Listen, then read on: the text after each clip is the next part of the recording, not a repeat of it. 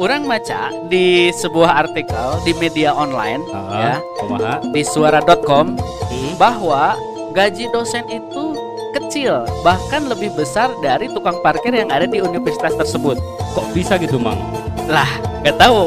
Meskipun ini beritanya di tahun 2022 kemarin. Ah, ah, Nah, orang patut memperta apa mengkonfirmasi juga Ah. sampai sekarang apakah hal segitu atau gimana gitu ya.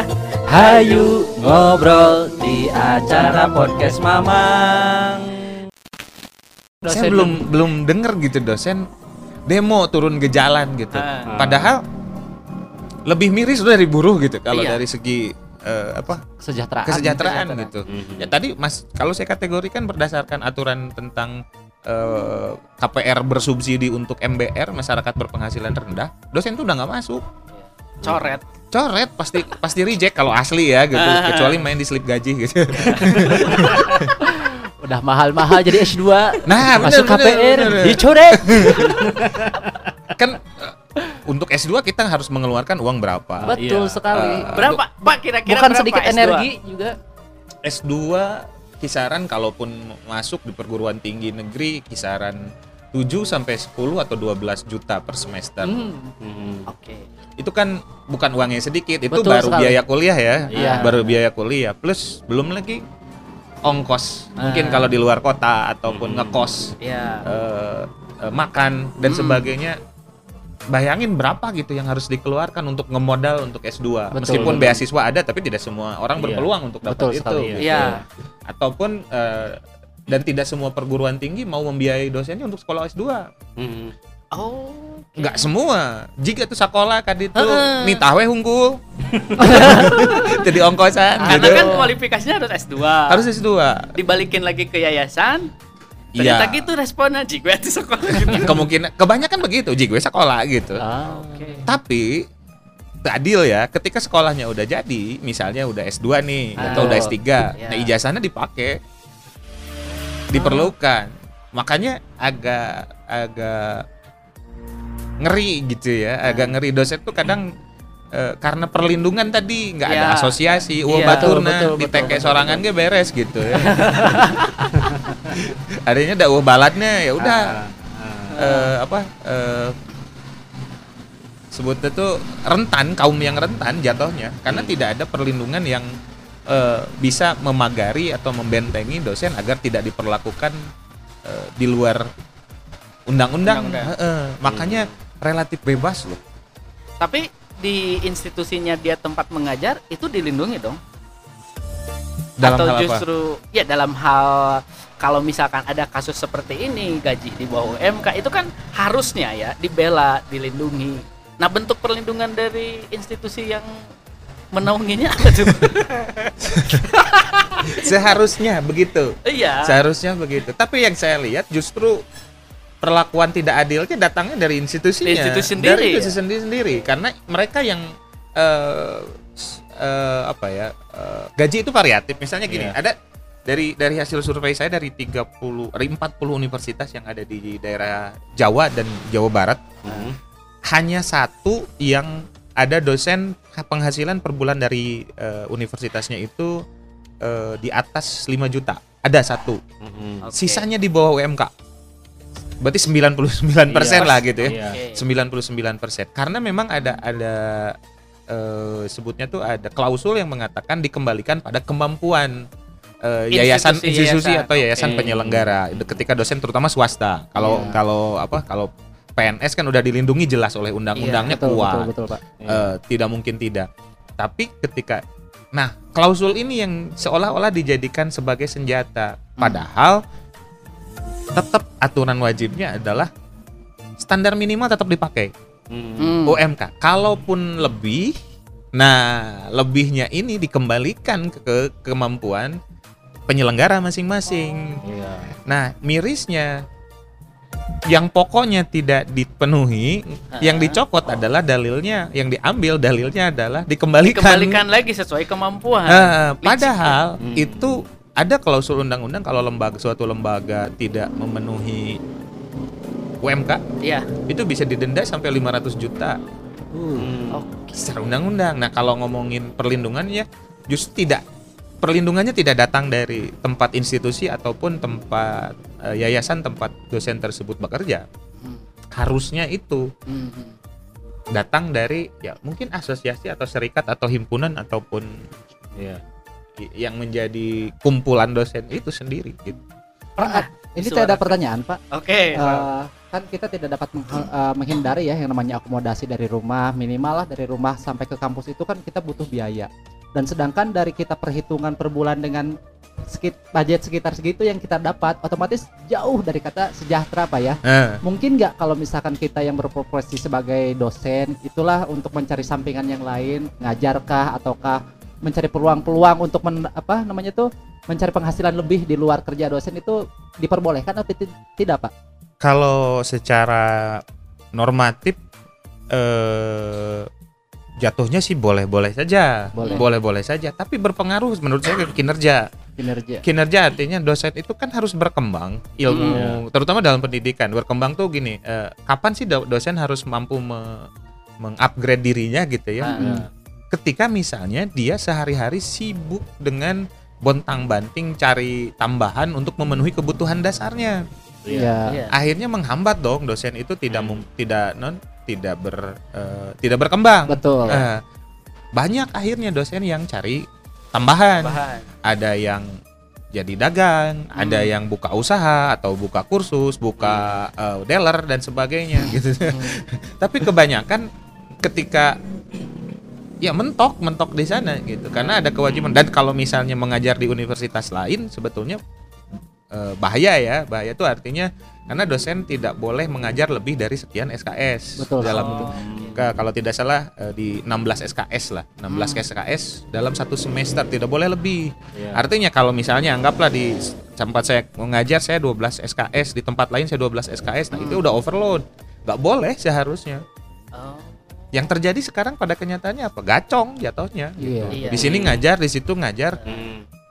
ya melabrak lagi kewajiban Tapi karena butuh. karena, Karena butuh kurang. karena kurang Iya. karena kurang kalau cukup biasanya orang tidak akan mencari ya nah relatif anteng gitu Iya. di, di tempat tersebut anteng tapi karena eh, kurang akhirnya ya sini ke sana kemari gitu ke sana Mm-mm. kemari berpengaruh juga Iya. ke sistem pendidikan yang diterima ke mahasiswanya berarti pak ya akan kemungkinan banyak dosen yang akhirnya sibuk sulit untuk dihubungi ngajar Ya. jadi jarang Bimbingan ke rumah. bimbingan ke Sambil bawa ikan.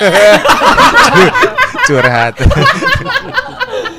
Jadi Minimal bolu minimal bolu ya jadi bakal tidak fokus pak ya karena tadi terbagi Betul. ke mem- untuk membe- eh, memenuhi kebutuhan dasar si Iya. dosen betul tersebut, betul gitu. betul bahkan eh, apa sebutnya itu eh, saya sebut peluang karirnya pun dosen itu stagnan nggak Ya. berbeda dengan misalnya eh, pekerja-pekerja yang lain Iya, iya. ketika sekian tahun bekerja dia akan naik ke level Iya. ini ke level Iya. ini ke Iya, level ini ke Promosikan level gitu, ini ya. Iya. dosen memang ada kenaikan levelnya tapi hanya di sebatas di eh, apa ya pengakuan saja misalnya dari asisten ahli naik ke lektor naik ke guru besar Oh. dan sebagainya. Tapi kan tidak sejalan dengan yang namanya penghasilan. Beda dengan kayak di perga- apa, pegawai Perusahaan. lain. Iya. Di perusahaan. Beriringan. Nah, beriringan. Ketika supervisor dia Naiknya kenaikannya seberapa, ya. tunjangannya berapa, ketika naik jadi manajer berapa gitu. kewajiban dan haknya stabil ya? Stabil. Mhm. Dan jelas ya, eh, sebut itu eh, jelas eh, eh, target. Jadi Iya. kalau saya mau ngomong ngejar manajer nih, Iya. ini apa yang harus saya lakukan biar Betul. kekejar. Iya, iya, Iya. iya. Kalau dosen kan target terpenuhi agak susah gitu. Apa yang harus ditarget gitu. Iya. Oke. Dan gimana caranya biar saya menjadi eh, eh, masuk ke target itu agak susah menurut saya. Meskipun dengan menjilat. Kan di korporat gitu, Pak. Ya, Modalnya jadi penjilat aja lah. sepertinya itu mah universal gitu. universal itu, universal. Dan eh, ini eh, apa ya? Sebutnya itu menjadi demotivasi gitu. Iya. Demotivasi. Iya, Ya, kayak misalnya gini. Kenapa sih harus harus harus ya, Ngapain ah gitu. maksimal gitu gawe Ah. tehnya Hmm. eh, secukupnya we gitu aja ya segitu-gitu gitu. wae gitu ya. Ah. Mhm. itu demotivasi bentuk demotivasi dan sangat banyak rekan ataupun teman sesama dosen baik di sesama perguruan tinggi atau di beda perguruan tinggi, akhirnya di ah bae we sahayuna gitu Mm. kan nggak bagus gitu Iya. nggak Iya. bagus gitu akhirnya eh jalan di tempatnya tadi Ah. mudab-dabun gitu nggak nggak ke atas nggak ke bawah Bawah. gitu Mm-mm. betul betul betul Oke. Terakhir Pak berbicara masalah harapan mungkin Bapak mewakili dosen-dosen baik di Garut maupun di luar Garut apa yang ingin disampaikan terkait harapan Bapak sebagai seorang dosen gitu. kalau harapan ada ada ketiga pihak ya Iya. yaitu harapan itu harapan pertama ke sesama dosen terutama Mhm. ke sesama dosen tuh saya ingin sekali punya cita-cita untuk eh, menjadi apa ya eh, dosen-dosen itu berkumpul bersatu Hmm. artinya untuk saling melindungi terutama iya. dalam usul dalam hal hak gitu ya Ya. istilahnya eh, kita bisa kok kalau kitanya bareng-bareng nggak bukan berarti kita ha- harus hanya menuntut hak ya Iya. dalam artian misalnya gini ketika kita berserikat atau berkumpul atau membuat asosiasi yang berkaitan melindungi haknya terutama Mhm. Di satu sisi kita bisa saling support untuk meningkatkan kewajiban artinya Iya. jangan hanya menuntut hak dong gitu teh Iya. tapi kewajibannya juga yuk kita benerkan gitu ya. Ah, yuk kita iya, kita iya, sama-sama ingetin gitu ya Iya. artinya seimbang gitu Hmm. ketika Hmm. haknya terpenuhi ya udah berarti kewajibannya juga penuhi gitu ataupun Hmm. sebaliknya Iya. nah dosen-dosen tuh saya pengen terutama misalnya di Garut lah gitu Hmm. dosen itu punya wadah untuk itu Iya. Ah. itu yang pertama harapan pertama harapan yang kedua adalah kepada para eh, pemangku kebijakan Hmm. lembaga-lembaga penyelenggara pendidikan Hmm. eh, sadari bahwa karena dosen adalah ujung tombak Iya. ujung Iya. tombak dalam dalam kalau dalam dagang itu bermarketing ya iya Iya. Hmm. bermarketing itu adalah ujung tombak dari sebuah eh, produk gitu Mhm. ketika marketing eh, bagus biasanya perusahaan naik gitu. Penjualan bagus Iya, eh, iya, perusahaan setuju, bagus. dosen itu seperti seperti marketingnya. Oh kenapa harus kuliah di tempat ini? Asik Hmm. loh. Hmm. kualitas pendidikannya gini loh Iya. kualitas pengajarannya gitu. Nah gimana caranya untuk membina itu? Yuk mungkin ya ongkosan lah dengan baik gitu Iya. ongkosan dengan baik lah Iya. jangan jauh-jauh dulu deh gitu jangan jauh dulu misalnya eh, pakai standar Singapura lah misalnya gitu ya untuk Iya, iya. kualitas pendidikan atau ngajar jatah Belanda gitu atau misalnya eh, standar Belanda jangan Iya. lah gitu atau standar Amerika enggak nggak usah tapi standar undang-undang yang ada kok Hmm. ada kok yang harus dipenuhi UMK Garut misalnya tadi Mamang nyebut 2,1 Iya. ya minimal itu deh dulu penuhi Hmm. Mhm. dengan dengan apa dengan tunjangan-tunjangan yang lainnya silahkan dibalikan lagi kepada kemampuan kan gitu tadi ya Iya, Iya. betul, Eh, betul, betul. jangan sampai bilang gini eh, misalnya eh, dah kita mah apa tuh Kampus atau apa kampus apa tuh misalnya gitu ya ya kalau lembaganya lembaga sosial kita bisa mengutarakan itu gitu Iya. At- kalau misalnya misalnya kita berada di eh, sekolah gratis untuk anak-anak yatim dan duafa ya mungkin kita sudah sadar dari awal bahwa ya udah kita tuh nggak bisa berharap banyak Iya. hanya sebatas apa ya ya pengabdian Iya. gitu ya Mhm. tapi beda kalau ketika penyelenggara pendidikannya kok mungut duit kok Iya. Komersil gitu. Ah, ah, komersil dong gitu kan jualannya komersil dong oh Iya. mahasiswa bayar dosennya juga bayar dong minimal pakai standar yang sudah ada Nah. itu harapan ke eh, lembaga penyelenggara Hmm. sama harapan ke para pemangku kebijakan Hmm. pemangku kebijakan terutama misalnya pemimpin-pemimpin di level daerah ataupun Iya. eh, dinas-dinas terkait pengawasan itu jangan hanya ke lembaga-lembaga yang non pendidikan sebaiknya pendidikan juga diawasi. Iya. karena jangan sampai banyak eh, sekolah atau lembaga penyelenggara pendidikan yang justru melanggar undang-undang kalau menurut saya gitu. Cacat cacat hukum. Bahkan Mm, betul, eh, betul. ini mungkin tadi saya juga lupa mengatakan tidak ada perjanjian kerja di awal. Nah itu. Ah, benar Pak. itu tuh. tidak ada. Perjanjian kerja bersama. Itu kan harus wajib. Harus. Harus Em- wajib. Tidak ada. Misalnya saya akan dikontrak berapa lama Ya. Ya. terus kewajibannya apa Iya. haknya mana Iya. kalaupun cuti gimana Ya, kalau hamil dapat apa Ya. nggak ada Gak ada nih. nggak ada ini udah cacat hukum dari awal Mhm. cacat hukum dari awal dan itu teh wajib sebetulnya Betul betul. wajib jadi karena minim pengawasan akhirnya Hmm. orang berbuat sesuka hati dong nah Ah. ini saya berharap sekali para penyelenggara lembaga pendidikan baik itu yayasan atau institusi institusi penyelenggaranya itu menyadari ini gitu ya meskipun Ah. tidak semua tapi kebanyakan saya bisa bilang 90% berperilaku seperti itu 90% dan ngeri itu. Iya, iya benar. Di Garut ya Pak ya? Atau tempat-tempat lain juga. Beberapa tempat universal jatuhnya. oh Karena mungkin persepsi masyarakat adalah ya eh, apa ya dosen elit gitu. Iya. Tadi Iya. profesi elit ekonomi sulit. Akhirnya minim pengawasan. Wah piraku dosen aman mungkin bukan kaum marginal, tapi Iya. menurut saya jadi kaum marginal Iya. ketimbang Oke. buruh ataupun guru. Para pemangku kebijakan itu harus lebih banyak eh, melongok ke sana gitu. Iya, iya. Atau misalnya di snaker harus dengan getol gitu Iya. untuk Iya. mengecek bener nggak ini penggajiannya sesuai undang-undang nggak, Ah, prosedurnya sesuai undang-undang nggak. Bahkan Mm-mm. eh, apa kayak tunjangan untuk tunjangan apa sih sebutnya itu jaminan jaminan sosial. Ah, ah, jaminan sosial jaminan kesehatan Jaminan hari tua. Jaminan hari tua. ya. nggak semua ada Nggak semua. nggak semua ada Mm. nggak semua ada itu eh, sesuatu hal yang apa ya menurut saya melanggar kewajiban. Oh, melanggar Iya. kewajiban. Nah mungkin harus ada pengawasan yang lebih kuat lagi dari para pemangku kebijakan. Jangan sampai los ya udah deh karena dianggapnya udah mandiri gitu ya Ah. dosen di los banyak loh banyak. Bahkan salah satu sa- rekan juga ngobrol cerita begini lamun orang gering lamun orang paeh. Itu bahasanya gitu. Iya. Iya. bahasanya begitu. Yang saya orang menang naon? Ya.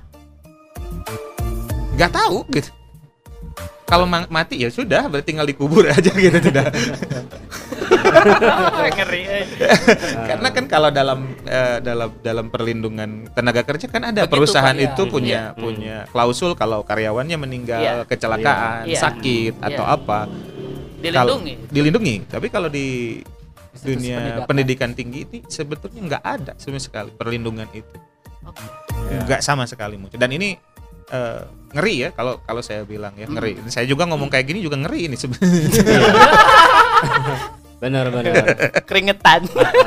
Heeh. Emang ini Pak, yang saya tahu juga biasanya untuk yang ke lembaga-lembaga pendidikan gitu Pak, ya, yang banyak turun ke lapangan itu biasanya dari misalnya ada B- apa BPK gitu ya, Hmm. KPK misalnya. Jadi Ah. ke kasus seperti itu, tapi untuk misalnya tadi untuk mengangkat apakah hak-hak dari pengajar atau dosen tadi di apa ya diberikan oleh lembaganya itu kayaknya tidak tersentuh gitu Iya. ya. jarang jarang tersentuh Atau bisa jadi punten-punten ya. Kurang keras suara dosennya. betul salah satunya itu Nah, termasuk saya ini agak keras artinya saya itu bukan bukan memikirkan diri ya bukan memikirkan secara personal ya Ah, ngobrol iya. begini itu karena menyuarakan sesuatu yang kadang eh, saya pernah membuat sebuah uh, update status gitu ya di, Oke. di media sosial kemudian di media sosialnya itu sepi hmm. sepi tidak ada yang komen dan sebagainya tapi Iya. nge DM banyak gitu setuju setuju setuju teruskan teruskan teruskan oh yang lain itu sebetulnya sama setuju cuman ada orang yang nggak mau menyuarakan itu gitu Oke. nah tadi mungkin benar kurang kenceng suaranya Mhm. dosen nggak kalau nggak kenceng ya dianggapnya ya buat Aman istilahnya lah. bayi tecerik gitu Heeh, dianggapnya gitu. baik-baik saja Iya. tapi belum tentu bisa wae engap gitu bisa wae bengek atau keselak kan gitu ya Iya, sebetulnya betul, nggak nggak karena kita diam itu ah, baik semuanya baik-baik saja Hmm. apalagi dengan dengan undang-undang yang sekarang wah keren sekali kewajibannya itu keren bahkan rekan saya sering sering ngomong gini Mhm. ayo kewajibannya dibikin Hmm. kabar gembira haknya belum pernah ada gitu Mhm. Itu hanya di belakang aja beraninya ngomong gitu. di belakang ada yang frontal juga ada Oke. ada ada di di forum gitu ini Heeh. Ya bisa bisa jadilah gitu bagian karena kurang kenceng juga kita tuh Ah. sebagai dosen untuk mensuarakan ini gitu Atau harus viral dulu, Pak. bisa ya. bener kalau sekarang kan di Pola pola di kita gitu. Tuh viral mau beres gitu Iya. nya tuh viral mau beres sugan jadi viral karena ini eh, eh, ketika ini memang eh, disebutnya itu didengar Oke. yang mendapat manfaat itu banyak Betul. yang Betul mendapat sekali. manfaat itu banyak bukan hanya saya pribadi misalnya sebagai dosen tapi mahasiswa akan mungkin dapat eh, eksesnya Iya. karena Iya, dosennya betul betul betul. eh, ketika orang sudah kebutuhan pribadinya terpenuhi, Terpenuhi. Ya dia dengan mudahnya untuk memberi ke orang lain Iya. tapi gimana mau memberi ke orang lain Dia kalau sendirinya itu ketulungan gitu Iya, iya benar. salah satunya gitu dan bisa dinikmati oleh banyak eh, orang di lintas lembaga Ah. Iya. menurut saya gitu ya tapi gimana nggak tahu lah Oke. Jadi eh, intinya adalah eh, ternyata kondisi dosen itu tidak baik-baik Tidak baik-baik ya. saja. Itu dah bisa dibilang Walau- tidak. eh, eh, walaupun tidak bersuara ya menuju engap gitu. Sehingga yang bengek kan gitu ya. Jadi, Iya. mah, Ah, ah, jadi dia nggak nggak teriak-teriak yang bengek itu ngap-ngapan gitu ya. Tunduk, tunduk. Jangan sampai nunggu ke ayah gitu. Kawatos. Nya lamun teh kan kumaha ke pendidikan Indonesia ke Iya. depan Betul, nah, betul, kan. betul. Jadi ayolah melek gitu nya. Ini kasihan dosen-dosen gitu dibantu. Oke, ada lagi Pak? Ada yang mau disampaikan terakhir? Em, ya mudah-mudahan itu aja lah intinya Oke. ada suara dosen ini lebih lebih didengar ya Iya. terutama untuk dosen-dosen di level swasta Hmm. karena mereka yang banyak eh, tidak terlindungi secara undang-undang dan Iya. saya, Iya. saya tadi bilang cukup apa sih duit 500 ribu ada dosen yang gajinya segitu setiap bulan Iya. buat ongkos saja habis, Habis. dalam sebulan terus dia hidupnya gimana gitu terus Iya. eh, ini harus menjadi perhatian serius dan tidak bisa cukup dengan mengatakan ikhlas ikhlas ikhlas. ya kalau sudah saling memenuhi hak dan kewajiban baru kita ngomong eh, istilahnya ikhlas Iya. Hmm. ada legal right ada moral obligation lah gitu Hmm, ya Iya. legal right-nya penuhi dulu. Hmm. Nah, Nah. nanti ngomong moral obligation. Sok standar minimal udah UMK udah dipakai Ah, gitu misalnya atau iya. UMR atau mungkin lebih dari itu enak gitu ya. ya Iya. Ketika nanti udah terpenuhi itu baru ngomong. Ya udahlah, Iya. sing ikhlas ya. Karena kita sudah semampunya begitu sesudah sesuai undang-undang. Hmm. Jangan sampai ikhlas dijadikan bayaran gitu. Iya. Hanya sebagai bayaran. Uh, ada pepatah gini Pak ya. Kita teh jangan uh, se- jangan mau dicintai gitu ya, tapi kita tidak mau mencintai gitu. Alah. Nah, Lembaga benar. tolong jangan seperti itu gitu. Ada bantuan Pak. Pak. karena ber- berbanding lurus Iya. akan Iya. eh, apa ya eh, ketika lembaganya loyal terhadap eh, karyawan ataupun kepada pegawainya Iya. dedikasinya dari karyawan pun akan sendirinya dengan Betul. meningkat gitu Iya. akan bangga dengan eh, alma- eh, institusinya Institusinya, akan iya. eh, disebutnya atau all out dengan institusinya tapi ketika hare-hare ya sama jatuhnya hare-hare Iya. gitu Bertepuk sebelah tangan Pak. ya. nah gitu sebelah tangan gitu Heeh. Oke. Tidak terasa ya eh, hampir sejam hampir sejam ngobrol. Sebenarnya masih masih ramai Pak ya, tapi Ya. karena kita ini sudah waktunya Keterbatasan waktu. betul terus poin di sore itu Tekna.